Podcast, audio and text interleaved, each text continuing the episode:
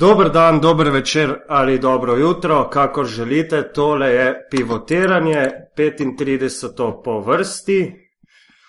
Po nekoliko živčni epizodi v prejšnjem tednu uh, bomo tokrat govorili o bolj lahkotnih temah, bi lahko temu tako rekli. Uh, seveda pred nami je končnica lige NBA in zato je z mano danes uh, naš praktično že redni gost, ko je govora o severnoameriški košarki, Damir, živijo. Zdravo. Uh, nič, uh, pred nami so samo še zadnje tekme, v bistvu zadnjih 15 tekem, če se ne motim, potem pa se začne počasi končnica.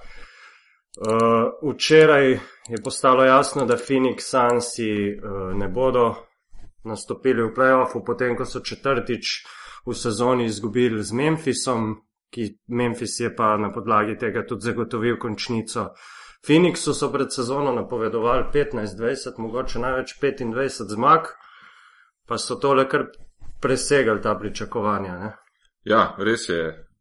Phoenix je bil v predsezono, mislim, da je izbran, da bo nekako 29 med 30 eh, moštvi NBA lige. Uh, presegli so vsa pričakovanja. Uh, mislim, da najbolj veseli podatek, da po ogromni zaslugi našega Gorana Dragiča. Uh, predvsem so pa to dosegli z, z tem, da je igra bila postavljena na enostaven način, da je bila komunikacija znotraj ekipe na, na vrhunskem nivoju in da trener Hornasek, ki je seveda bivši igralec v NBA-ju, Eh, znal komponirati uh, to skupino v Ameriki, bi rekli, uh. underachieverjev uh, in jih povezal v eno celoto, ki jih je pripeljalo v bistvu pred vrata tako imenovanega raja. Mm.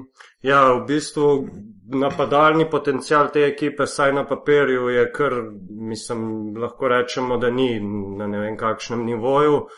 Pa so vseeno, mislim, da sedma napadalna ekipa, mislim, da, dosega, da so dosegali 105 točk na tekmo. Kje je mogoče tukaj razlog, da je napad tako stekel? Mogoče trener postavil tak sistem, da je, da je recimo ustrezal večini teh igralcev, kje ti misliš, da je catch do tega? Dokaj solidnega napada, ne?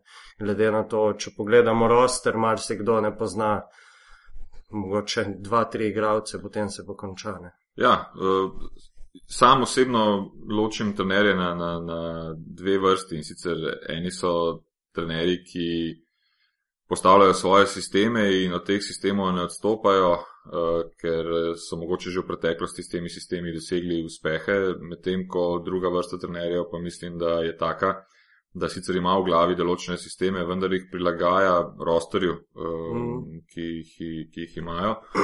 Ja, mislim, da je Hornasek v tem eh, primeru izbral to drugo opcijo, pogledal je v bistvu pred sezono, kaj sploh ima, poiskal uh, moč uh, vsakega, oziroma najboljše točke vsakega igralca v ekipi in se odločil, da bo to moč v bistvu izkoriščal. Dejstvo pa tudi je, recimo, Goran Dragič kot prva violina ekipe, je zelo napredoval pri metu iz uh, prejšnje sezone in to se seveda poznalo ne samo na njegovi osebni statistiki, ampak tudi na napadalni statistiki moštva. Tako da mislim, da je ta glavni catch v bistvu bil v tem, da je Hornasek uh, pogledal, kaj ima, se prilagodil temu in, in v bistvu izkoristil potencial najboljših stvari, ki jih njegovi igralci znajo delati in to je potem tudi ukomponiral v svoj, svoj napadalni koncept. Uh mhm, -huh, ja, ko si glih omenil tale met, eh, se spomnim Gorana Dragiča, ko je še recimo igral na Slovanu, je bil met mogoče celo njegova najšipkejša točka napadalnega tega skupnega napadalnega arzenala. Kje je mogoče catch, da igravci potem, ko pridejo, Goran Dragič ni edini primer, ki je potem, ko je prišel v, v ligo NBA nekako dvignil ta met, da se dejansko ga zdaj ne moreš več pustiti samega na trojki. Ne? Kje je tudi več treninga tam ali kje kač? Uh, jaz mislim, da je v bistvu kombinacija treninga in pa dviga samozavesti. V Ameriki, v NBA-ju se v bistvu samozavest dviguje z minutažo. Um, tudi pred sezono, pogovori in v, samem, pri, v samih tekmah pre-season pogovori s trenerjem, ki ti dajo vedeti, pogledaj, si igralec, ki bo igral toliko in toliko, če boš od sebe dejal tisto, kar se od tebe pričakuje. Mislim, da je Hornasek se z Dragičem dobro, dobro pogovoril pred samo sezono, da mu bo dal veliko svobode in Dragič toliko svobode v bistvu še nikoli v svoji NBA karieri kot letos ni imel. Uh, s tem, ko je dobro začel, uh, ko je videl, da, da lahko uh, vodi to ekipo, je njegova samozavest uh, v bistvu poskočila do, do, do maksimuma in je to uspel potem peljati skozi celo sezono. Tako da jaz mislim, da predvsem samozavest, ki jo dobiš, s tem, da veš, da, da, da, da če boš zgrešil 3-4 metre, uh. -huh. ne boš letel na klop in potem se na novo, na novo spet uh, dokazoval v trenerju in ekipi, je bila ključnega pomena. Absolutno je pa trening meta v NBA-ju bolj dodelan, jaz uh, mislim, kot v Evropi in uh, to, to repeticijo, ki jo Dragič, seveda jo je imel tudi v preteklosti, ampak sedaj v kombinaciji repeticije in samozavesti je pa v bistvu rezultat tak, ki ga zdaj letos opažamo. Uh mhm. -huh. Kaj pa mogoče za prihodnost Phoenixa? Uh, mislim, da so se znebili vseh tistih požrešnih, uh, predragih pogodb. S tistim tradom, ko so pač pripeljali, mislim, da je Meko Okaforja, ki mu pogodba zdaj poteče. Kaj mogoče, mislim, da imajo za naslednjo sezono 32 milijonov samo plač. Blecov poteče pogodba, kaj ti misliš, ga bojo probali zadržati, ali bojo mogoče probali pripeljati res kakšno super zvezdo, ker sam super zvezdnikom lahko dobiš tisto, recimo, pozornost uh, v ligi NBA, pa neko spoštovanje in praktično ekipa, če nima enega pravega superzvezdnika težko konkurira sploh za najvišja mesta. Kaj bo, misliš, da po tvojem zdaj naredili?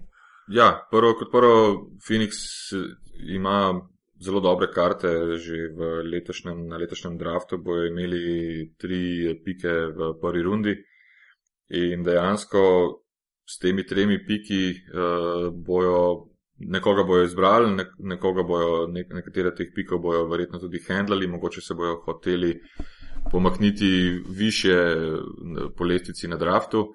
Tako da tukaj imajo ogromno manevrskega prostora. Druga stvar, ki pa je, kar se Blecova tiče in uh, njegovih iger oziroma njegove pogodbe, je stvar taka, da je, jaz mogoče ne delim to mnenje z večino v končni fazi ameriške javnosti, kako Blecov in Dragič uh, odlično funkcionirata skupaj. Uh, mislim, da tudi te zadnje tekme so pokazale to, da, da, da mogoče ne funkcionirata tako dobro, kot uh, bi si klub uh, želel in tudi kot, kot bi si mi, ki smo navijači Gorana, želeli, da bi seveda gledali Phoenix v playoffu. Tako da tukaj mislim, da bo front office od Phoenixa v bistvu moral malo razmisliti, kaj je za naslednjo sezono.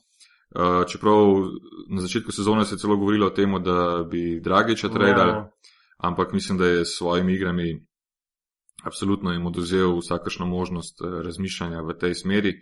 Seveda, razen če pridejo za, za Phoenix eh, nemoralni pogoji, mm. kakšne nove ponudbe. Ja. Tako da jaz nisem tako zelo prepričan, eh, da, da, da to je v redu, ampak sicer je tako, kot, kot je slogan te oddaje, Couch Selectori, ja. mislim, da se seveda front office v Phoenixu ve veliko bolje kot jaz. Eh, tako da po moje, da, da bojo ponudili mu pogodbo, ampak eh, kako bo pa to vplivalo za naprej, pa trenutno nisem dovolj pameten. Kar se pa tiče dodajanja zvezdnikov, je pa tako, da. Cel NBA, kot, kot vidiš, stremi k temu, da, da ja, ja. vsako, vsako mesto oziroma vsak klub želi v svojih vrstah enega, dva, tri zvezdnike. Ne pozabimo še na poslovni aspekt mm. tega, da se pač tukaj ekipa brez zvezdnikov dejansko težko prodaja, ne glede na, ja, na, na rezultat. To, ja. Tako da je, jaz mislim, da, da bojo poskušali.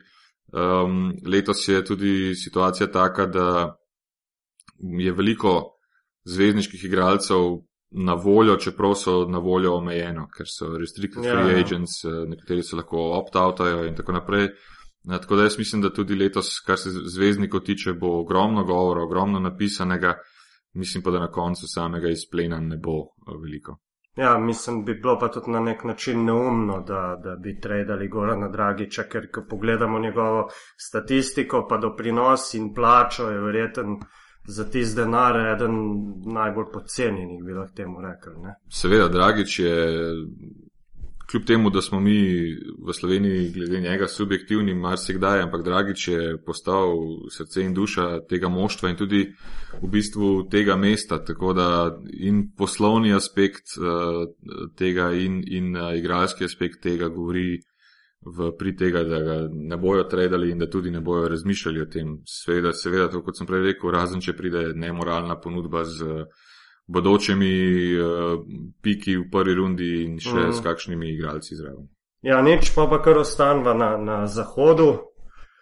San Antonijo je že nekaj časa, pač si nekaj časa je že od tega, odkar si je zagotovil prvo mesto in ga v prvem kolu playoffa čaka Dallas ali Memphis. Uh, misliš, da je kaj tukaj zapovedati. Ne vem, San Antonijo ima neko grenko izkušnjo izpred treh let z Memphisom, ko je bil tudi prvi sit zahoda, pa ga je na to Memphis izločil 4 proti 2. Uh, eh, misliš, da se lahko kaj ponovi tacga ali bo San Antonijo se nekako rutinirano sprehodil do finala? Poglej, možno je, možno je vse, uh, vendar pa mislim, da te pretekle izkušnje so bolj gorivo za nas, kaut selektorje in novinarje, da se pač o teh stvareh uh, piše.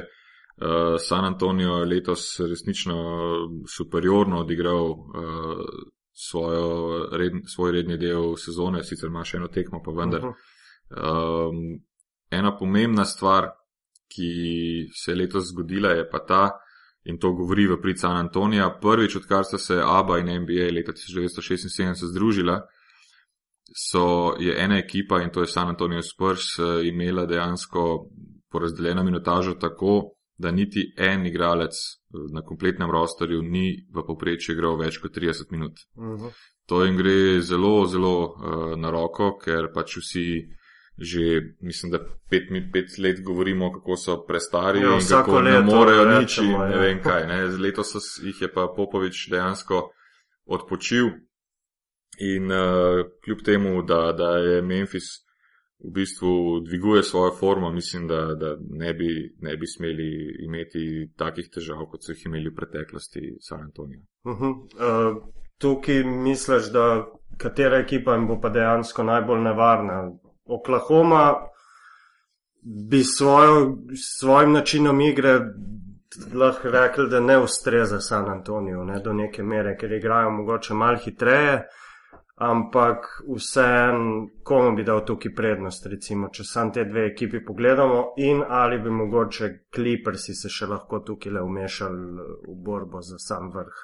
Ja, tukaj je zdaj ena mešanica uh, stilov igre, ki jih pač lahko obravnavamo v playoffu, ko se pogovarjamo o San Antoniju, Oklahoma in Clippersih od uh, energične igre uh, Clippersov uh, z veliko protinapadi in uh, v končni fazi tudi uh, zabijanji, do dokaj kontrolirane igre in odličnega spacinga, ki ga ima uh, San Antonijo, do Oklahome, ki, Oklahoma City, ki dejansko ima MVP-a letošnje sezone v svojih vrstah, ki je sposoben vsak večer, Kevin Durant se pravi, vsak večer sposoben natresti in toliko točk in tudi letos je pokazal, da lahko tudi pomaga pri razigravanju svoje ekipe, še posebej, uh mhm. -huh. ko je bil Russell Westbrook eh, poškodovan. Sam pa tudi vseeno mislim, da kar se Oklahoma tiče, uh, oni lahko parirajo San, Anto San Antoniju v primeru, da je tudi Westbrook uh, zelo razpoložen za igro. Ne, da sili, recimo. Tako, tako, tako, tako. Westbrook, uh, jaz osebno imam težavo z dojemanjem njegovega razmišljanja, ker uh, je, se mi zdi, včasih čustveno manj uh, uravnovešen kot ostali igralci. To vidimo v tiskovnih konferencah z, z raznobarvnimi srajcami. Ja, to, je zdaj, to so sicer malo situacije izven igrišča, ampak eh, recimo na igrišču, če bi smel zdaj kot uh, pogledati mečkane iz trenerskega stališča, toliko neumnosti, kot jih on naredi včasih na, na tekmi. Uh, je to v bistvu ni vredno enega igralca, ki se v NBA-ju šteje za super zvezdnika. Tako da mislim, da kompleten, te, kompleten playoff push, ki ga bo Oklahoma City naredila, mislim, da bo celo bolj odvisen od, od Westbrooka kot od uh, uh, Duranta, ker Durant ima neko konstanto in pač uh, vlogo že zdavnaj določeno, medtem ko Westbrook uh, igra to recimo številko dve, oziroma violino številko dve v, v, v moštvu in uh, včasih jo odigra briljantno, včasih pa dejansko svoji ekipi ne pomaga. San Antonijo je pa v bistvu letos še enkrat več pokazal največ konstantnosti. Zdaj, če lahko to konstantnost zadržijo skozi playoff in predvsem, če lahko ostanejo zdravi skozi playoff, jaz mislim, da bi lahko prilezli do, do finala. Uh mhm. -huh.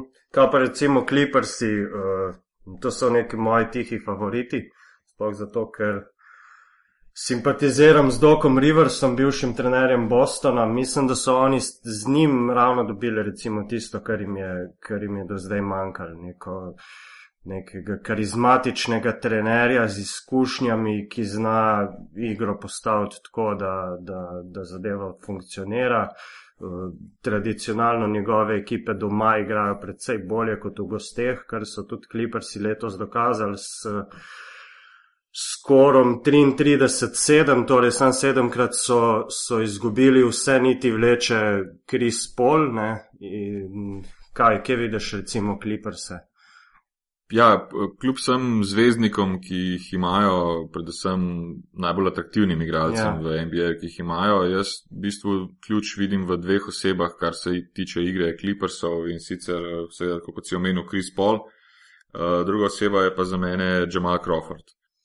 Uh, ko njemu steče, so napadalno resnično tako potentni, da jih je ekstremno težko ustaviti. Ne moramo vedeti, ja. da ljubitelji košake, ki gledamo, ne vem, highlighte od uh, Jordana, se pravi Deandreja Jordana in, mm. in, in mm. Blakea Griffina, da to so samo highlighti, ni pa to nujno, da, da te stvari prinašajo zmage. Zmago dejansko prinaša pametna igra Chris Paula in pa neka energija in, in, in uh, moč v, v, igri, v napadalni igri Jamala Crawforda. Če bo sta ona dva zalaufala, bojo sigurno, uh, sigurno uh, močan in, in, in nevaren nasprotnik, vendar pa ne pozabiva še to, kljub vsemu, da San Antonijo si je zagotovil v bistvu prednost domačega igrišča do konca, vse do konca. Ja. In uh, prej si omenil, da kliprsi tradicionalno igrajo veliko bolje doma kot uh, v gosteh. Tako da lahko tudi ta ena prednost ene tekme na domačem igrišču odloča v njihovo škodo.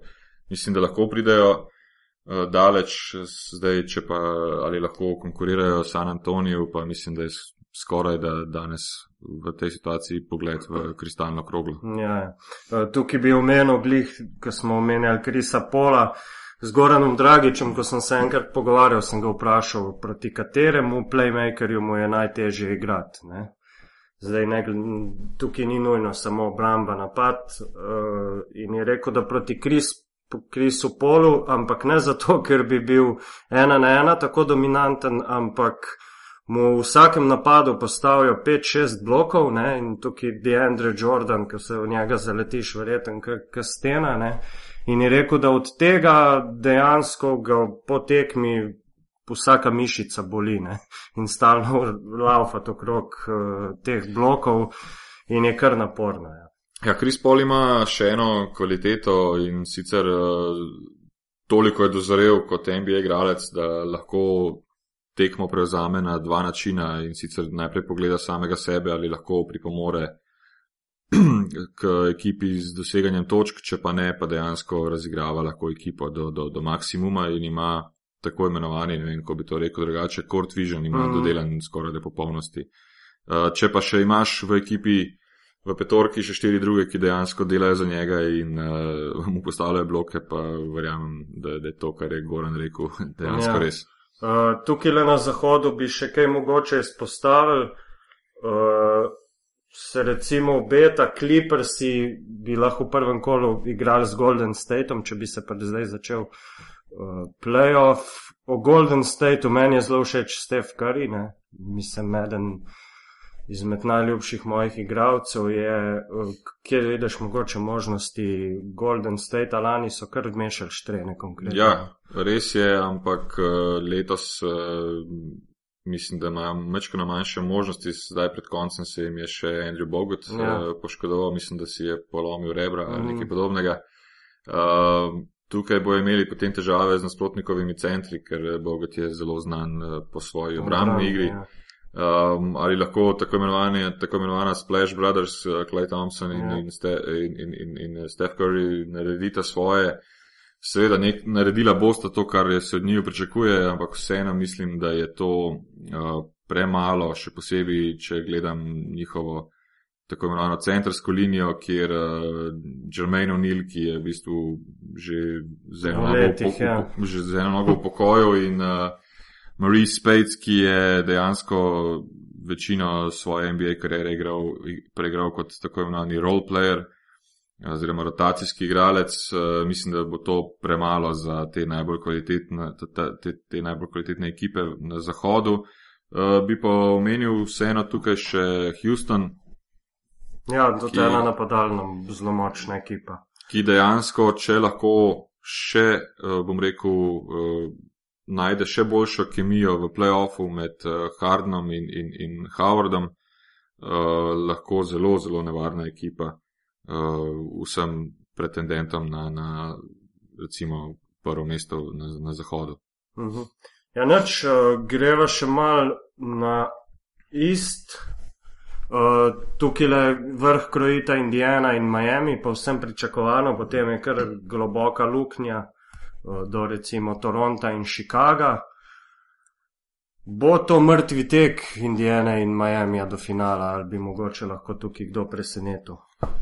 Ja, eh, jaz mislim, da mrtvi tek, če pogledamo stanje zadnjih dveh tednov, to ne bo, ker eh, nekaj se dogaja v Indijani. Sem tudi prebral ogromno člankov in raznih video zapisov. Eh, ekipa ne igra dobro in imajo neke težave znotraj ekipe v smislu kemije, uh, povezovanja med sabo. Sezono so začeli fenomenalno, mm -hmm. bili vse, vse skozi boljši od Miami. Miami pa nekako letos se mi zdi, da je skozi, skozi redni del sezone na pol prespal, ne vem, kot neki šolar tam v zadnji klopi, yeah. Ja. ki ovlada situacijo, ampak eh, se mu ne da nekaj mm. posebej, posebej truditi. Um, playoff uh, in, in redni del sta pa res dan in noč uh, po, po samem uh, skautiranju, po, po videozapisih, po pripravi na tekmo in uh, je v bistvu ta igra popolnoma druga, bolj fizična. Sam uh, menim, da mrtvi tek ne bo, to je moje osebno mnenje, Eh, zdaj neko ekstra strokovno podlago za to nimam, razen v tem, da, da Indijana ne štima, ne, ne izgleda dobro, začenši od eh, Roja Hiberta, mm -hmm. ki dejansko je bil en uh, all-star center, ja. sedaj pa senca samega sebe. Zanimivo je tudi, kako so ameriški mediji ja, ja. pospremili ja. njegovo igro. Primerjali so ga s Kwame Brownom, uh, ja, ja. nekdanjim številka ena pikom, ki je označen kot eh, bast oziroma ja, ja. propadli ja. igralec, mm -hmm. pa njim pa statistika, statistika približno enaka. Ja. Tako, ja. uh, mislim, da na, na vzhodu se bi jaz osebno uh, bal srečevati se s Chicagom in z Brooklynom. Uh, Chicago ima resnično Bramba. eno, eno tako ja. ekipo, katero je Tom Tibodo, se pravi njihov trener vcepil, um, bom rekel, to delovsko mentaliteto, ne vem, ogrneš si modro haljo in greš šraufat. Ja. Um, in ta, ta mentaliteta po vseh, uh, po vseh igralcih, ki so jih oni izgubili, od Dereka Rosa do Lual Denga, ki je šel v Cleveland, uh, dejansko so jim napovedovali, da bo, da bo šlo samo na vzdolj. Kar se rezultata tiče, oni so pa dejansko takrat šele, bom rekel, Mm. pojačali svojo, svojo obrambo in v bistvu svojo prezenco na terenu.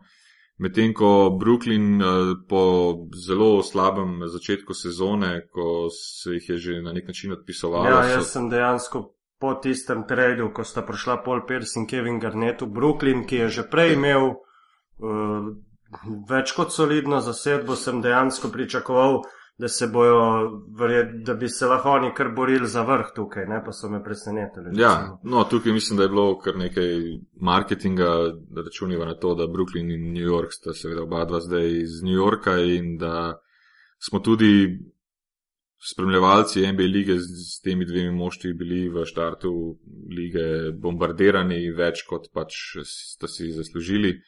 In zato smo dobili mogoče kakšne napačne občutke, da so to neke šampionske ekipe. Ampak Brooklyn se je sestavil, se je sestavil zadnje, zadnji mesec, mesec in pol, tako da sigurno bo nevaren, čeprav uh, mislim, da jim vseeno Brook Lopez manjka za, za več, Ja. večjo prezenco pod košem. Mislim, da je Kevin Garnett tudi resnično imel nekaj težav s poškodbami letos, poleg tega pa mislim, da je tudi on v resnem, resnem zatonu uh, svoje karijere. Tako da te dve moštvi bi mogoče še vseeno omenil, se pravi Chicago in Brooklyn, kot, kot moštvi, ki lahko na vzhodu mešata štrene.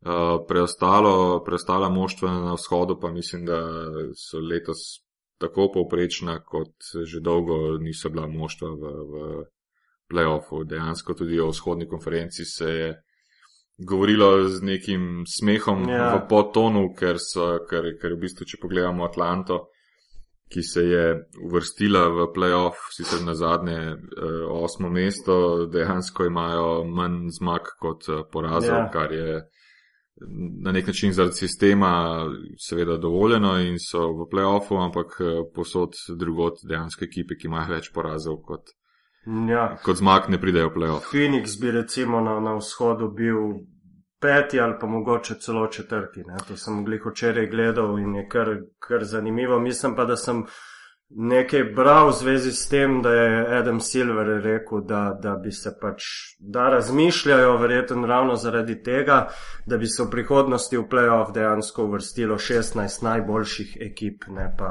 po 8 iz vsake konference. Ne? Ja, to je format, ki je pač eh, zdavno je bil izglasovan in določen in pač eh, sedaj obstaja, ampak eh, sprememba formata eh, se lahko zgodi, ampak ne vemo. Je pa tudi stvar v tem, ne, jaz sem to mačkano bolj poglobljeno gledal. Eh, primer Clevelanda, ki na vzhodu niti blizu sedaj v zadnjih parih tednih, niti blizu playoffa ni prišel, Mhm. kljub temu, da je imel neke teoretične možnosti. Zanimivo, da to moštvo, ki je označeno za slabo, eh, je igralo zelo, zelo dobro eh, rezultatsko proti zahodni konferenci. Ja, Uh, tako da ne bi tako na, na pavšalno mešal vzhodno in zahodno konferenco in govoril, da so moštva na, na vzhodu slabša od, od zahoda. Um, tudi migracije igralcev iz, iz uh, vzhoda na zahod in tako naprej se dogajajo tako, tako rekoč vsako sezono. Tako da to, kar recimo letos velja za vzhodno konferenco, ko so si rekli, da je veliko slabša od zahodne, lahko čez 2, 3, 4 leta ja velja za zahodno. ne. obrne. Ja. Uh, tako da mogoče bi bilo res najbolj pravična ta varianta, da 16 najboljših ekip po rezultatih dejansko pridejo v playoff, ampak dokler je sistem tak, kakšen je, pač treba to spoštovati in lahko tudi samo 37-38 zmagami očitno prideš v playoff. Mm, ja, ker smo prej glih Roja Hiberta omenila. Uh, jaz imam skozi nek občutek, da se vsakega centra, ki je recimo mačka nad poprečjem, na nek način potiska naprej umetno, ker Liga NBA je dejansko podhranjena s tistimi pravimi centri in jih tudi jaz recimo pogrešam v stilu Alažu Ona, Šeka in podobnih.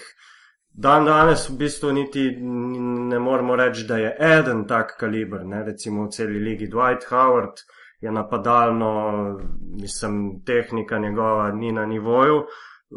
Potem imamo pa recimo še Demarkusa Kazinsa in pa Roja Hiberta in to, te trije centri se recimo s prej omenjenima ne bi mogli niti približno kosati, pogrešaš mogoče te klasične centre. Tudi igrajo čist drugačne. No, igra je drugačna. Igra je drugačna.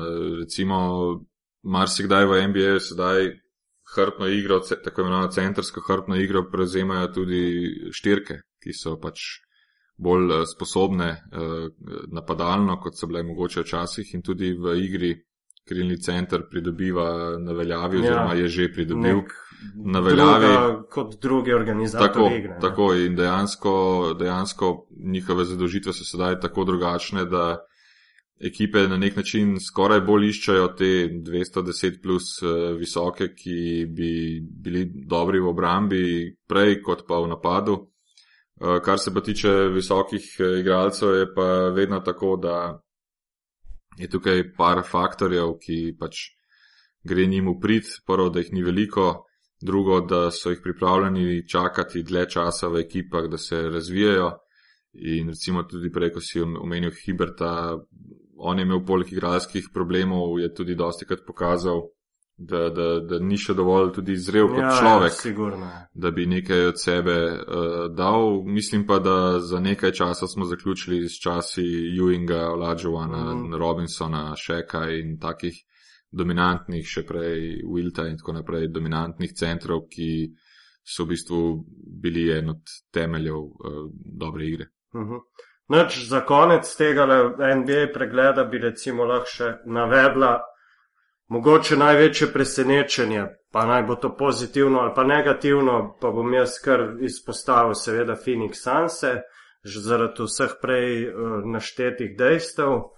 Kaj pa mogoče ti misliš, kdo je tebe mogoče pozitivno ali pa negativno presenetil, ali igralec, ali pa lahko, lahko tudi franšiza celotna? Ja, Phoenix je definitivno. Uh mislim, da največje presenečenje. Mislim, da sem na začetku oddaje povedal, ja. zakaj. Uh, za, za negativno presenečenje pa bi označil New York.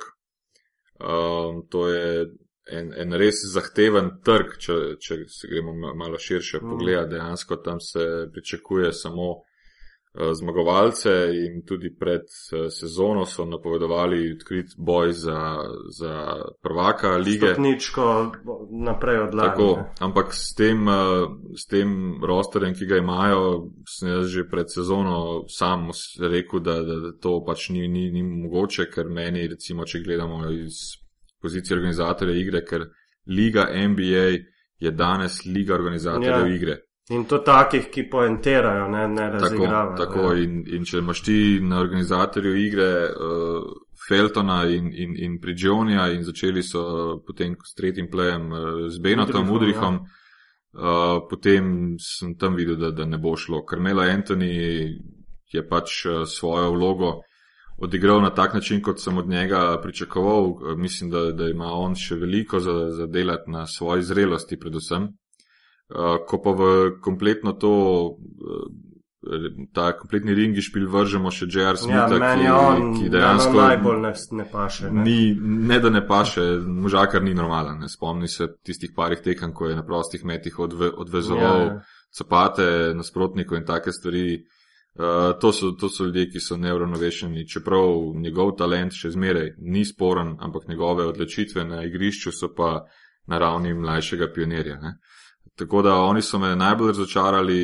Jaz, recimo, tudi pred sezono, ko so prej za New York rekla za organizatorje igre, pa mi lahko in slovenska in ne vem, katera druga javnost reče karkoli. Uh, za mene Beno Udrih bolj timski igralec in bolj koristen za ekipo kot Felton in, in, in Prižoni. Uh, in tudi bolj napadalno sposoben od Prižonija, začel je pa na, na tretjem. Ja na tretjem uh, mestu za, za, za pleje in ni mogel razviti v bistvu tega, kar on zna. Uh, tako da ta zadeva, mislim, da je neslavno propadla in oni so me dejansko uh, najbolj, najbolj razočarali. Ja, uh, še za konec, čist mogoče. Ko pogledamo na, na, na razpredelnico, zelo neobičajno Boston in pa Lakersi, to sta dve ekipi z največ naslovi. Uh, Boston 17, Lakersi so na 16 tici, če se ne motim. Ja. Uh, Nekako tankata ti dve ekipi. Ne? In dobesedno je to, da teh dveh legendarnih franšiz ni nekje, saj v borbi za playoff, mene kar nekako malo odvrnilo od, spremljanja NBA letos, recimo prej sem precej več gledal tekem in tako naprej. Uh, misliš, da, da, da je to dobro, recimo za ligo, da sta te dve ekipi, ki sta dejansko najbolj znani na dnu?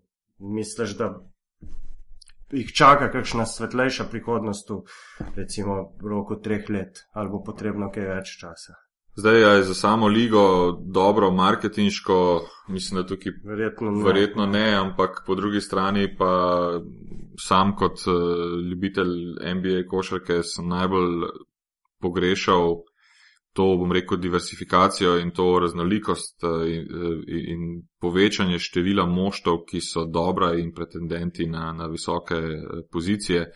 Um, dejansko se je pa liga v zadnjih petih, šestih letih nekako skoraj da izjalovila v tem pogledu. Več je pogovorov v tem segmentu, kdo je velik trg, kdo je majhen trg, igralci bolj gravitirajo ja. tja gledajo se sponzorske pogodbe in jaz osebno sem gledal ligo, kako nazaduje s takim razmišljanjem, kjer se najboljši uh, igralci odločajo za igranje v moštvih, ki imajo največ, bom rekel, monetarnega ja, ja. potencijala. Zato letos, da sta dve tako veliki in slavni ekipi izpadli iz, uh, iz, iz boja za, za končnico in boja za visoke vrstitve, uh, ne gledam katastrofično, ker dejansko so te trgi tako veliki, da bojo to prenesli. Ehm, po drugi strani pa za naprej Lakersi redko kdaj uspejo doseči odmerne rezultate z eh, odličnimi drafti ali kaj podobnega. Oni si lahko privoščijo ja, ja. maksimalne pogodbe. Um, veliko bo odvisno od tega, kakšen bo Kobe, ko, ko, ko se vrne nazaj. Ja, njegova plača, plača je še vedno kar ja, zajetna. Seveda je, seveda je, samo Lakers si lahko to dejansko si privoščijo, ker imajo tako marketinško mašinerijo, ki jim prinaša toliko denarja, da lahko grejo in v luxury tax in v uh -huh. vse te zadeve. Uh, tukaj bo samo od tega odvisno, ali bo Kobe lahko še dal od sebe toliko, da bo ta ekipa šla spet proti vrhu ali pa se bo dejansko v teh dveh letih eh, poslovil in zaključil svojo sjajno kariero. Kar se pa Bostona tiče, pa tudi oni, mislim, da so kar. Naloden iz piki na dan. Imajo kar nekaj pikov, uh, mislim, da, da saj dva v prvem krogu in nekaj tudi v, v drugem krogu. Uh, tako da verjetno bojo začeli ta proces spet rebuilding, rebuilding s tem, da Eh, imajo pa tudi, so šli smelo v odločitev, ko so najeli Breda Stevensa ja, za trenerja. Direkt iz koledža. Tako, to, da je iz koledža, niti ni problematično, to se veliko krat se je dogajalo tudi v preteklosti. Bolje to, da je možakar star 37 uh -huh. let, mhm. da nima resnično nobenih MBA izkušenj in da eh, je, označujejo ga za bodočega masterminda eh, pač košarke v smislu treniranja, ampak bo moral pa še po moje, ogromno delati, da pride do, do takih višav. In če bo Boston šel v, to, v ta segment in pomladitve in prevetritve, prevetritve ekipe z Bradom Stevensom na čelu, bojo pa morali se še pozabavati z eno zadevo, preden grejo naprej, kaj bojo naredili z uh, Ražanom ja. Rondom. Ražan Rondo je sicer eh, tisti prstan, ki si ga pač vsi prvega tako zelo vsi želijo, ne? vendar pa njegove poškodbe in njegovo nezadovoljstvo v zadnjih letih eh, se nekako kar izmenjavata. Enkrat je nezadovoljen, enkrat je pa poškodovan. Eh, ima pa še veliko, eh, še vedno veliko vrednost in lahko se zgodi, da bodo tudi poleti poslušali kakšne potencijalne ja, ponudnike sigurno, za kakšen ja. trade. Ja, jaz sem v bistvu mislil, da bojo že prej se kaj več govorili, pa ko kar sem na zadnje bral, je fant rekel, da v bistvu noče iz Bostona. Ne? Tako da zdaj je vprašanje, kaj bo tukaj. O tem, kaj fanti rečejo, ja. je, je, mislim, da brezpredmetno razpravljati, seveda za zabavo te stvari lahko jim pogledamo in preberemo. Ampak, eh, ko vidimo podpise na pogodbah, takrat vemo, kakšno je pravo stanje. Sam to gledam, predvsem pri Clevelandu, kjer se saga s Kyriem Irvingom dejansko odvija že zadnje leto in pol, ali bo podpisal extension mm. oziroma podaljšanje pogodbe, ali mu bodo sploh ponudili podaljšanje pogodbe, potem enkrat je poškodovan, enkrat je zadovoljen, potem piše čudne tvite, kjer si jih lahko vsak po svoje razlaga in skratka, hotel ali ne hotel dela na tem, da dejansko javnost sploh ne ve, kaj si misli. Bi pa še na drugo stvar povedal, um, v NBA je toliko mladih ljudi, dejansko po letih mladih, ne starih od 18 do 22 let, ki so prišli preko svojih odličnih iger in talenta do velike vsote denarja, ampak njihova zrelost je še zmeraj uh, na preizkušnji in dosti teh fantov dejansko tega testa oziroma tega preizkusa ne opravijo. Uh, dobro, še mislim, da tem ljudem treba postiti čas, uh, po drugi strani pa, da se ni treba na nobene izjave igralcev mm, močno, preveč, močno obešati. Ne? Ja, ker si glih omenil, da še tale Twitter in nekak čudne tvite. Ravno včeraj je, je Erik Bledsov pač napisal nekaj kar tako šokantnega, recimo. Uh, Dobo je tweet, v katerem je pisalo: You're the worst player in the NBA, uh, pa je potem temu fantiču odvrnil: Your mama. To si lahko si tudi pogledate na Twitter profilu Erika Bledsova. Nič, eh, NBA smo nekako dala pod streho, zdaj pa, ker se, se, so se začeli četrtfinalni obračuni Eurolige, nekako ne moremo mimo tega. Uh, dve tekmi sta že bili odigrani, ki sta se nekako končali po pričakovanjih, z visokima zmagama Barcelone in pa Reala, torej obeh španskih moštev. Eh, recimo, da se najprej malo bregneva tale par Real Madrid, Olimpijako, svemo, kaj se je zgodilo lani v finalu Eurolige, ko je Real vodil že za 17 točk, pa je potem Olimpijakos na krilih neverjetnega spanulisa zadevo povsem obrnil in verjetno prizadejal eno večjih ran Real Madridu v zadnjih letih ali pa recimo kar v celi zgodovini kluba. Misliš, da se lahko letos ponovi, da ima Olimpijakos kakšnega duta, eh, da bi mogoče presenetil Real, ker na podlagi igre cele sezone, igralskega kadra, v bistvu na podlagi vseh stvari povezanih samo košarko je Real, kar tukaj le moramo reči, da v vlogi precejšnjega favorita. Ja, dejansko Real mislim, da, da bi moral v tem uparu na tri dobljene tekme eh, to dobiti. Eh, je pa dejstvo, da mu bo v Grči zelo, zelo ja. težko eh, tam, tam dol. Mislim, da ne rabim vsakemu, ki je kadarkoli pogledal dve košarkarske tekmi, je jasno, da dol jih čaka pekov dejansko in tudi videl si včeraj določene iskrice so uh -huh. se mhm. dejansko kresale med igralci.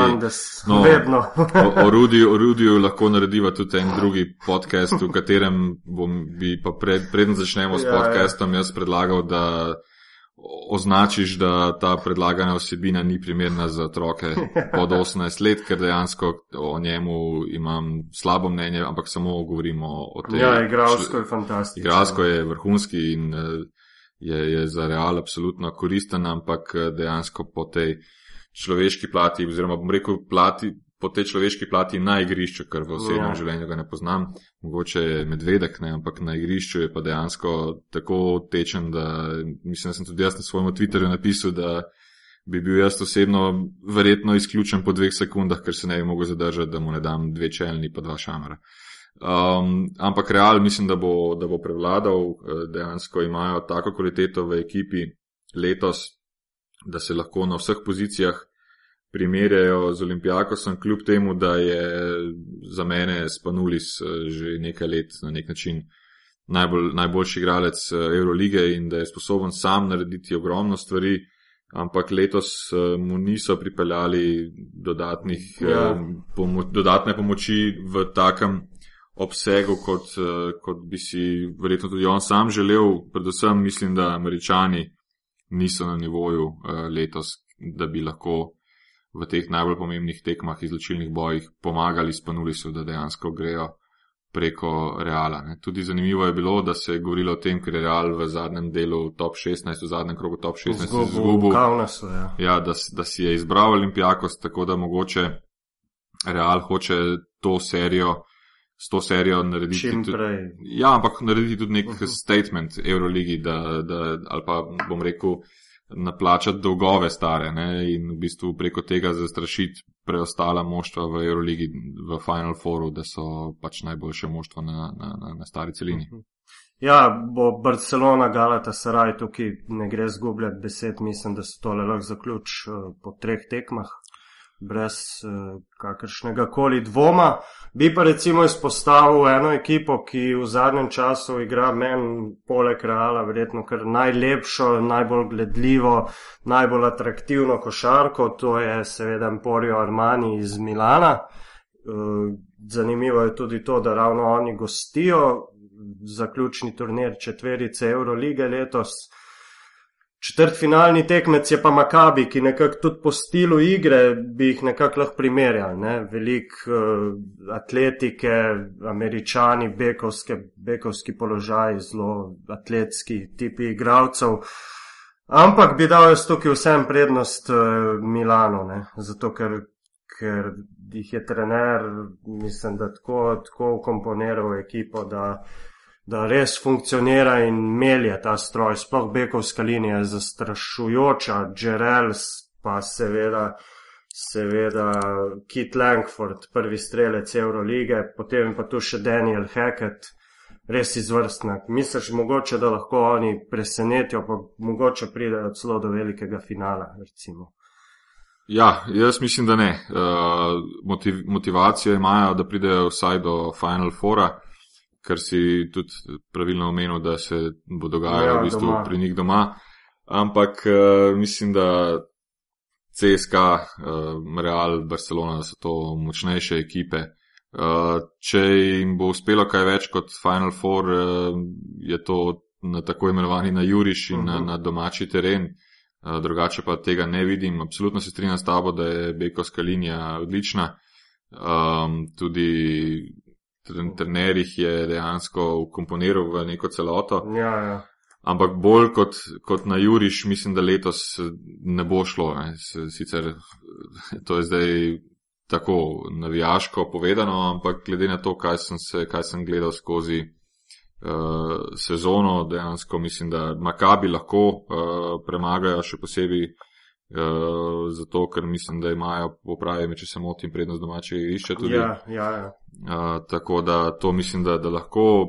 Final Four je pa kljub temu, da je Final Four vedno zgodba zase, ampak mogoče na Juriš, da lahko uh, pridejo do finala, po sami kvaliteti pa mislim, da še uh, to malo manjka. Uh mhm. -huh. Ja, ravno Luka Banki, trener, uh, trener Armanija, je eden glavnih. Pač krivcev, v narekovajih, da oni tako dobro igrajo. In sem tudi bral izjavo enega igralca, ki je bil član Siene v tistem obdobju, ko je bil banki pomočnik Pjanidžanija. Ne bom se spomnil imena, ampak je že on takrat v bistvu v tej izjavi povedal, da je v bistvu takrat pri Sieni, ki se je tudi uvrščala na zaključne turnirje, ko sta te dva gospoda jih strokovno vodila, da je v bistvu Luka Banki bil glavni, ne, da je bolj on postavljal sisteme in tako naprej, kot pa pač glavni trener Pjanidžani, ki se je potem tudi opekel pri, pri Fenerbahču. Ja. Še ena stvar bi omenil pri, pri Emporiju Armaniju, njihova dva najviše igralca, Ja. Samardo, Samuels in, in CJ Wallace sta 206 visoka. In, pa glavala imajo še, ja. Ja, ki pa.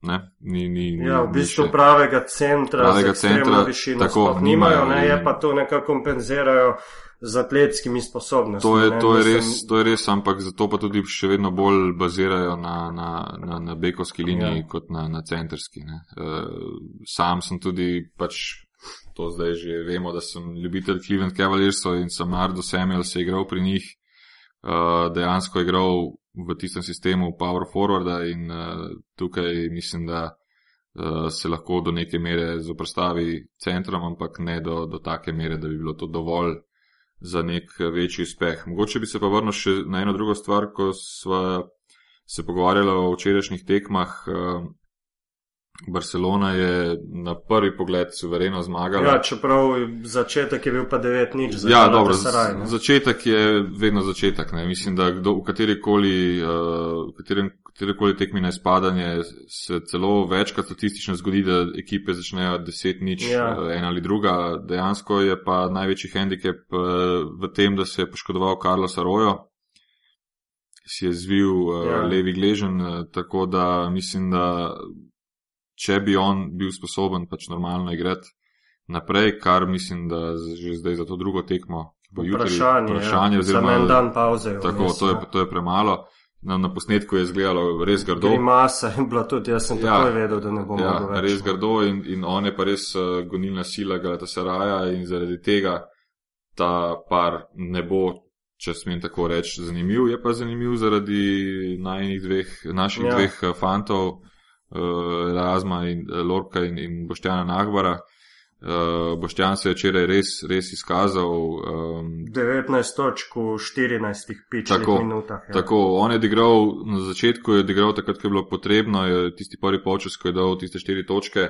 Sicer to ne, se ne zdi veliko, ampak je dodal uh, svoj kamenček v mozaiku, takrat, ko je bilo potrebno, ko je rezultatsko tekma bila.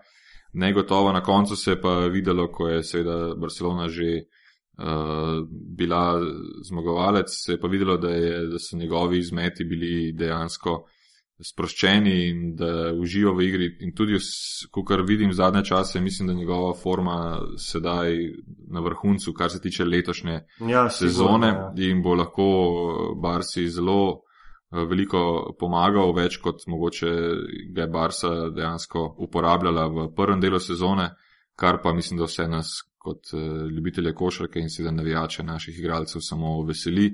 Razen bo pa standardno odigral tisto, kar se od njega mm. pričakuje. Uh, tako da Barcelona bo zelo, zelo uh, nevarna in se kar veselim tistemu obračunu. Mislim, da sta v polfinalu Barca ja. in Real. El Clasico. Ja. In to, to mislim, da bo res. Uh, Za mene osebno bo mogoče še lepše to gledati, kot pa sam Final Four. Ja, uh, ja v bistvu Nahbar je dejansko po tisti lanski sezoni v Bambergu. Lahko rečemo, da je bila ta odločitev, da gre v Bamberg in spet postane pač vodja ene ekipe, ker prej se mu to zaradi takšnih in drugačnih uh, razlogov ni dogajalo. Uh, naredil praktično najboljšo možno potezo in na podlagi te sezone ga je potem tudi angažirala Barsa, kjer konstantno v bistvu igra po 20 minut na tekmo, ni pač glavni, ampak je eden izmed tistih, ki pač lahko na vsaki tekmi da recimo vem, 15 točk in tako pripomore pač k timskemu ja. uspehu. Ne. Njegove izkušnje so, so neprecenljive, e, njegova kvaliteta absolutno nikoli ni bila sporna. Uh, vidim pa tudi mogoče malo težave v Barsi v, v tem, da, da Čavi Paskval za mene osebno uh, najšipkejši člen dejansko ekipe. Uh, ker uh, dobro, nek sistem imajo postavljen, kjer tudi uh, igralci ne igrajo več kot 25 minut, 30, to tudi ja. ti glavni. In to je sistem, ki je namenjen temu, da je agresivnost vse skozi na, na maksimalnem nivoju ampak včasih kakšne stvari, ki jih eh, Čavi Paskval pač izvede. Ja, predvsem se, samo vodenje tekem. Ne, ja, se, se mi zdi včasih čudno. No, po drugi strani pa, če pogledava ne samo včeraj, ampak skozi celo sezono, v ekipi imaš eh, Mačeja Lampeja, ne, ja. ki je ekstremno, teru, ki je ekstremno kvaliteten igralec in potem na včerajšnji tekmi, ki se je končala, mislim, da 27 točkami razlike, mu ne daš niti pet minut, da se, da se steče, razen seveda, to pa ne moram trditi, razen če, ni, če ni probleme, poškodba, ja. Ja. ampak drugače, da mu ne daš niti pet minut, eh, da, da, da ga držiš svežega, ker ne veš nikoli v takih tekmah. Najboljši primer včeraj je bil Carlos Arroyo, kdaj ti lahko pomemben člen ekipe uh mhm. -huh. odpade zaradi poškodbe. Da ne daš človeku za, za igrati, takrat, ko je tekma že zdavnaj odločena, se mi zdi malo čudno, ampak to je spet mi smo kauč selektorji, uh -huh. nismo trenerji. Ja, še par besed o zadnjem, v bistvu paru četrt finalnem, ki se ga še nismo dotaknila, klasika, euroligaška, CSK pa na Tinajkos. CSK bo prvo tekmo odigral brez Miloša Teodosiča, ker po eni strani niti ni nujno, da je slabo. Vemo, da so tudi brez njega premagali Makabi v Tel Avivu eh, v prejšnjem kolu. CSK je tukaj kar v vlogi velikega favorita, čeprav mu bo, mislim, da na vsaki tekmi v Grči zelo težko in bo težko tam zmagal. Ne? Zato sem jaz nekako napovedal, da bo tukaj recimo mogoče 3-1 ali pa celo 3-2, ker bo v Grči res verjeten težko zmagati CSK. Ne? Ja, sigurno. Jaz v Grči redko kdaj proglasim kogarkoli za favorita, se pravi, gostujočo ekipo ja. tam je res eh, potrebno, do, potrebno dodatna mera in samozavesti in pa izkušen predvsem, da si že odigral 2, 3, 5, 8 ja. takih tekem pred njihovo vročo publiko in da te to potem več ne, ne bom rekel, prizadane med tem, ko igraš.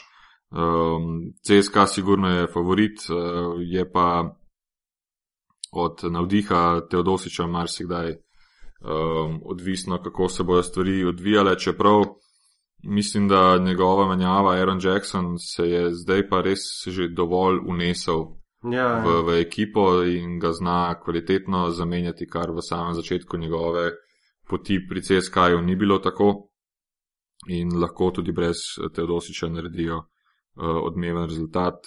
Sam jih dejansko sem jih postavil, da bodo v finalu igrali.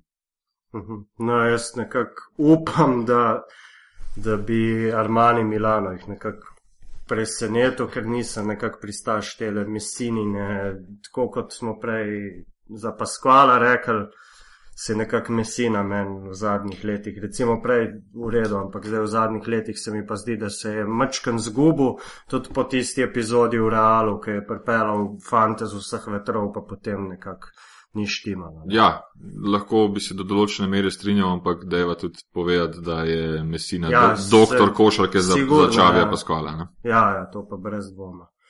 Ja, nič, mislim, da so vse aktualne teme obdelala, tekem v slovenski ligi za en teden ni bilo, tako da se lahko, so se lahko klubi na čelu, predvsem z Unijonom Olimpijo, pripravili uh, na naslednje obračune.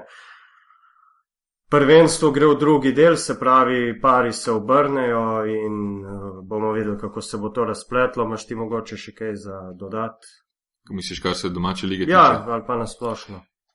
Ne, eh, kar se tiče domače lige, tako kot si rekel, se obrača v, v drugo uh, polovico, ampak uh, mislim, da, da letošnja domača liga se je sprevrgla nažalost bolj v gledanje tega, kaj se dogaja z, z Olimpijo, Olimpijo ja, kaj bo spet izgubila. Tako kot pa, v, kot pa v spremljanje in v končni fazi tudi podporo domači košaki, ker brez, brez nje tudi reprezentančno ne bo uh, nič pametnega naredila. Ja, tudi vprašanje, kaj se bo recimo zgodilo s Heliosom, novi lastniki, vemo, da so prišli. Uh, pač nekako upanje ohranja to, da je ravno gospod Klaužar, sicer predsednik košarkarskega kluba Helios, postal tudi predsednik upravnega odbora novega in upajmo, da bo, da bo ta zadeva se nekako razpletla tako, da bo Helios še vedno podpiral košarko, ker verjeten, ker nujno rabimo, poleg Krke in Olimpije, še en klub, ki lahko mogoče malo meša štrene, pa skozi katerega se recimo igravci tudi razvijajo. Mislim, v tem primeru bi tudi zelo pač verjeten pripomogel to, da bi Helios se vrnil v Abali. Ja. Mislim, da, da bojo lastniki ostrici, ja. da si jih bojo peljali tudi na Final ja, Four. Ja, Abba lige. Prepričajo na nek način. No, eh, če bo finale Crvena zvezda, Partizan. Boje težko rekel, ne, ne. Pred polno dvorano, pa da ne bo noben mrtev, seveda. Ja. Potem mislim, da, da sama popularnost ne bo vprašljiva, seveda poslovne odločitve je pa nekaj, na, na kar kljub kot je Helios ne bo mogel vplivati. Ja, noč, e, zadeva je zapakirana, to bi bilo za danes vse, še na kratko lahko povem, e, kje se nas dobi in kje je naš podcast eh, viden. Seveda smo del aparata, tam najdete vseh 34 in tudi tole današnjo 35. epizodo. Pivotiranje ima svoj profil na, na Twitterju, pivotiranje in tudi na Facebooku. In mene se tudi dobi, seveda na vseh teh kanalih, na Twitterju zbale z dvema L, Facebook tudi seveda in pa Instagram. Še ti, Damir, povej, kje se tebe da videti. Mene lahko dobite na Twitterju, uh, ime je Mr. D, MRDEE25. Noč, tako, to bi bilo vse. Hvala vsem, ki boste tole poslušali. Pa uh, nasvidenje do naslednje epizode, do naslednje epizode v kateri pa bomo gostovali uh, Teja Hojča, sicer uh, trenerja mlajših selekcij pri Krki, ki je pred nekaj dnevi postala mladinski državni prvak. Tako da naslišanje do naslednjič. Adijo.